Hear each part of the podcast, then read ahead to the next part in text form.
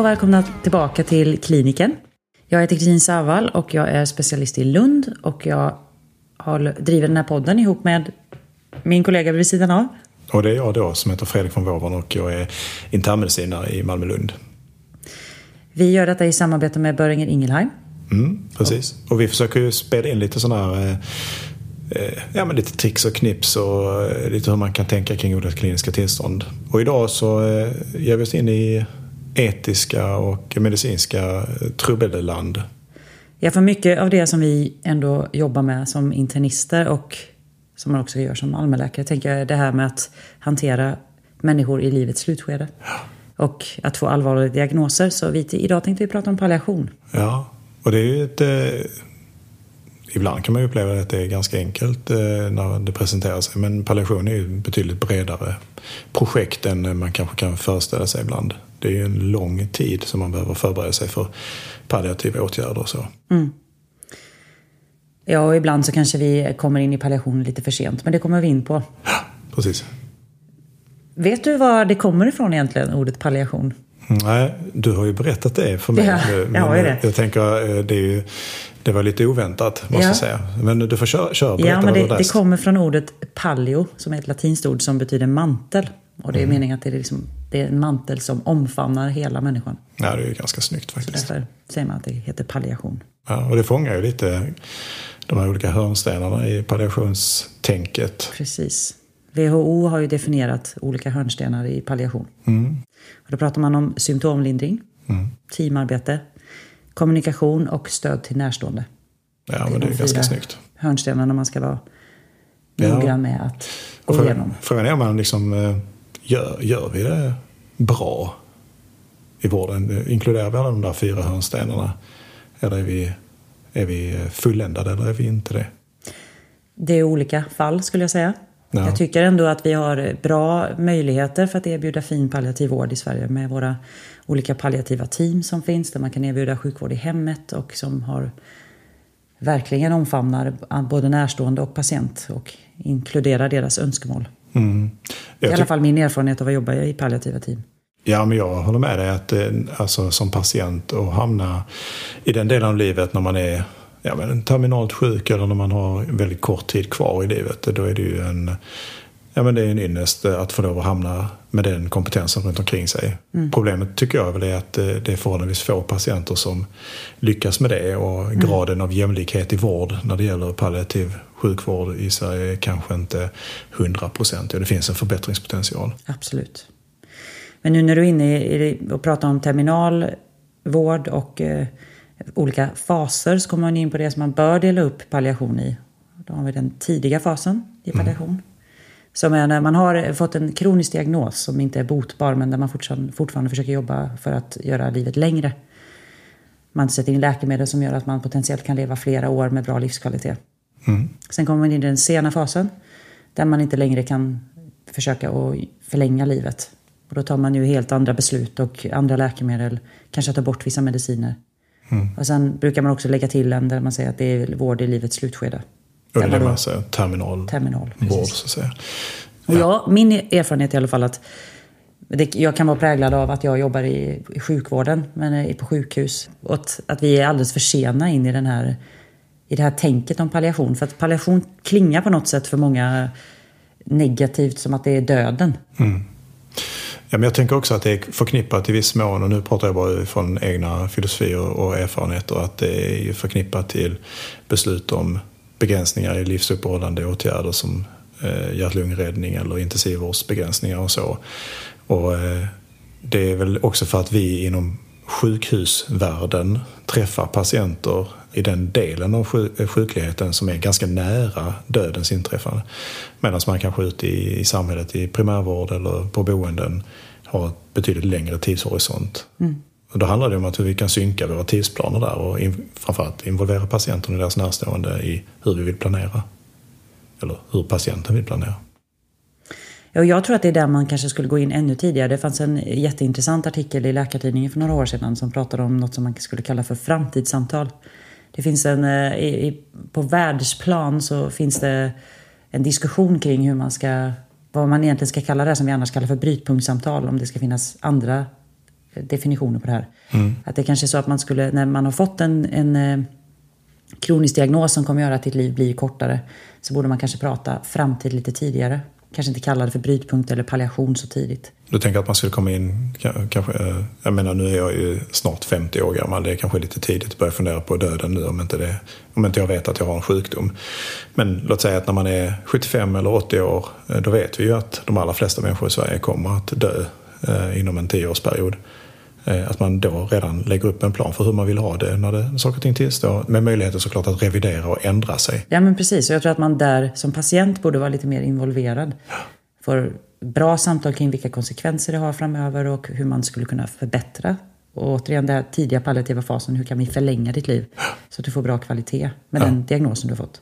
Mm. Ja, men jag tror att det är superklokt, eh, inte minst ur ett om man nu ska vara lite tråkig och administrativ så här, så ur ett resursutnyttjande perspektiv. Att när man har en sen tidigare överenskommelse att eh, det är det här jag vill, jag vill eh, jag kanske ha all möjlig vård och all möjlig utredning men kanske, eh, i vissa sammanhang så vill man inte det. Och har man den eh, alliansen med sin patient eh, som primärvårdsläkare eller som sjukhusdoktor då är det betydligt enklare att, att lägga en plan. Mm.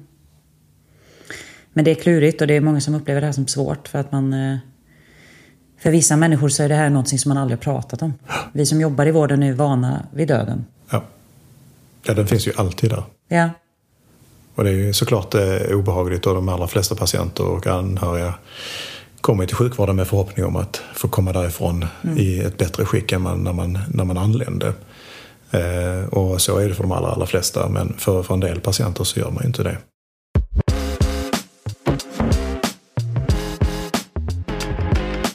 Vad är det som gör att vi tycker det är lite klurigt då? Jag tänker att det är ju att delvis är man orolig att man skulle, om man behandlar, överbehandlar, att man skulle förlänga lidande. Mm.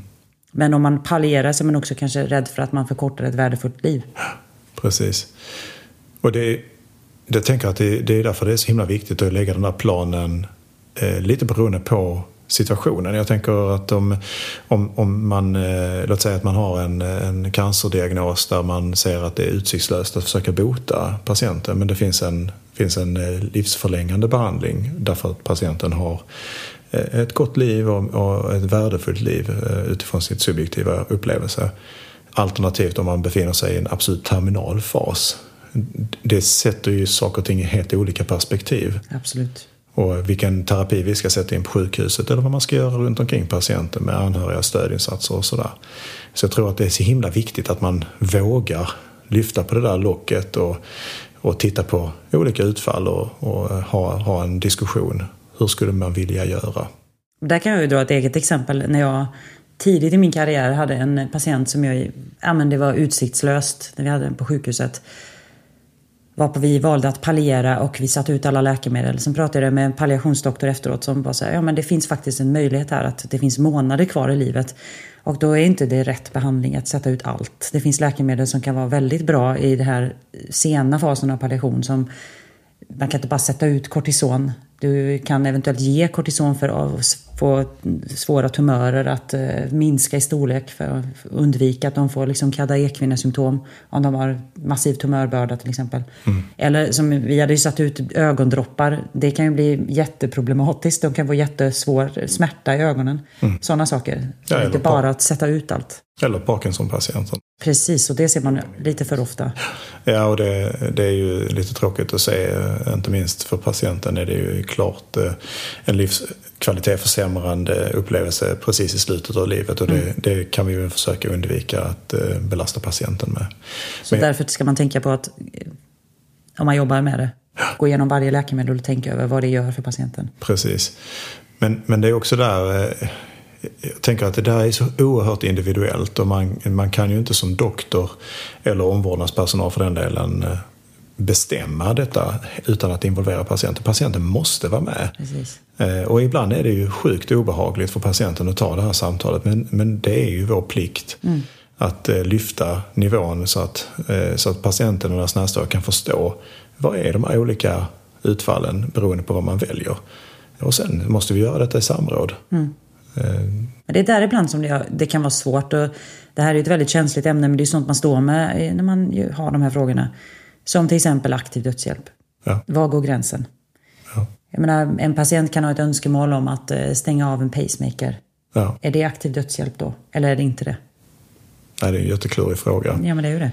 Eh, jag tänker att det är ju graden av aktivitet, eller man ska säga där. Det, man kan ju alltid, varje enskilt fall kan ju bli oerhört dramatiskt. Eh, såklart äger patienten frågan om sin egen terapi och sitt eget liv. Men om patienten dör momentant när man stänger av pacemakern så blir det ju en väldigt, väldigt tveksam etisk situation. Mm. Eh, men, eh, men där behöver man ju i så fall samråda med både sin patient, närstående och kollegor så att man kan fatta ett, ett välgrundat beslut tillsammans, tänker jag. Och så är det viktigt att komma ihåg att man alltid måste utesluta att det finns depression i detta. Och i så fall behandla det först. Ja, såklart. Det, där, det vimlar ju av, av etiska konflikter när det gäller eh, de här olika valen.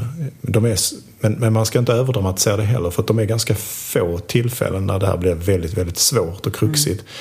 Jag tror att vi, eh, vi använder det lite som en, en ursäkt för att ibland inte närma oss samtalet. Ja, Ibland känns det också som att tid är en begränsande faktor när patienter ligger på sjukhus till exempel. Vi prioriterar ibland bort kommunikationen vilket ju är ja, precis. fel. Ja, sen, vi tar bort en hörnsten. ja, exakt.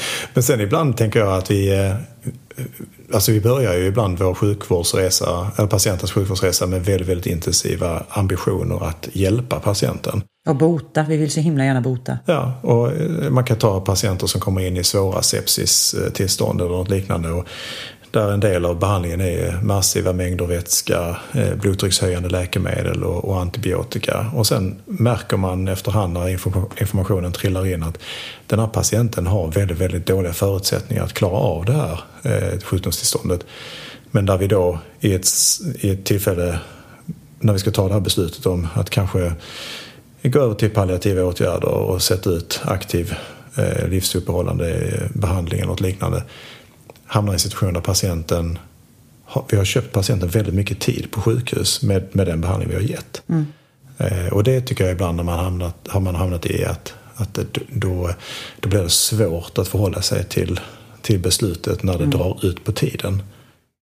Ja, det är ju en sån här grej som folk upplever som jättejobbigt. Vet jag. Man har haft själv och kollegor som man känner att man har tagit ett beslut om palliation och man har pratat med anhöriga alla och man har kommit överens om att det här är den bästa möjliga vården.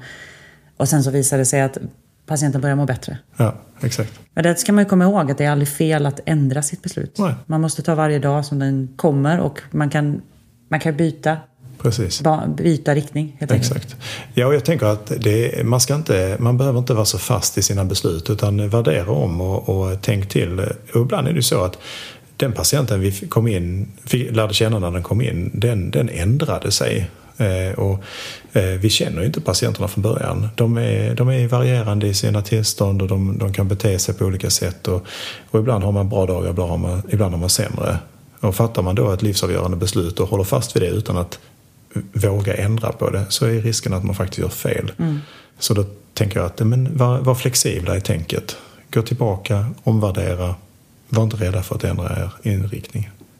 Sen har man ju de här som har liksom, alltså det är ju inget evidens för det, att man eh, blir piggare precis dagen innan man ska dö. Men det finns ju de där man tar bort alla mediciner och så oj, ja, precis. så blir den där gamla Det finns till, och med, finns till och med ett uh, uttryck för det. Ja. kallar man ju för Lazarus-syndromet då. Att, uh, Lazarus reste sig också på tredje dagen och gick ut ur sin, sin, sin grav. Och det, det, det, finns ju massvis med sådana skrönor. Ja. Och det kan ju mycket väl vara så att om du har en, en äldre patient som står på fyra eller fem blodtryckssänkande läkemedel eller hjärtfrekvenssänkande läkemedel och som är svårt sjuk. När man tar bort dem då, då har ju patienten fått tillbaka lite balanserande mekanismer.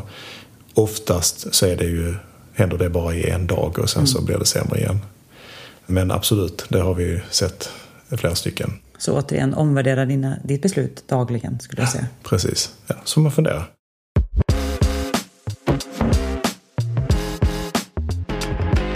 Men vad är det då för, för symptom som man ofta liksom ställs inför in, om vi då hamnar i det liksom mer av det palliativa sena skedet?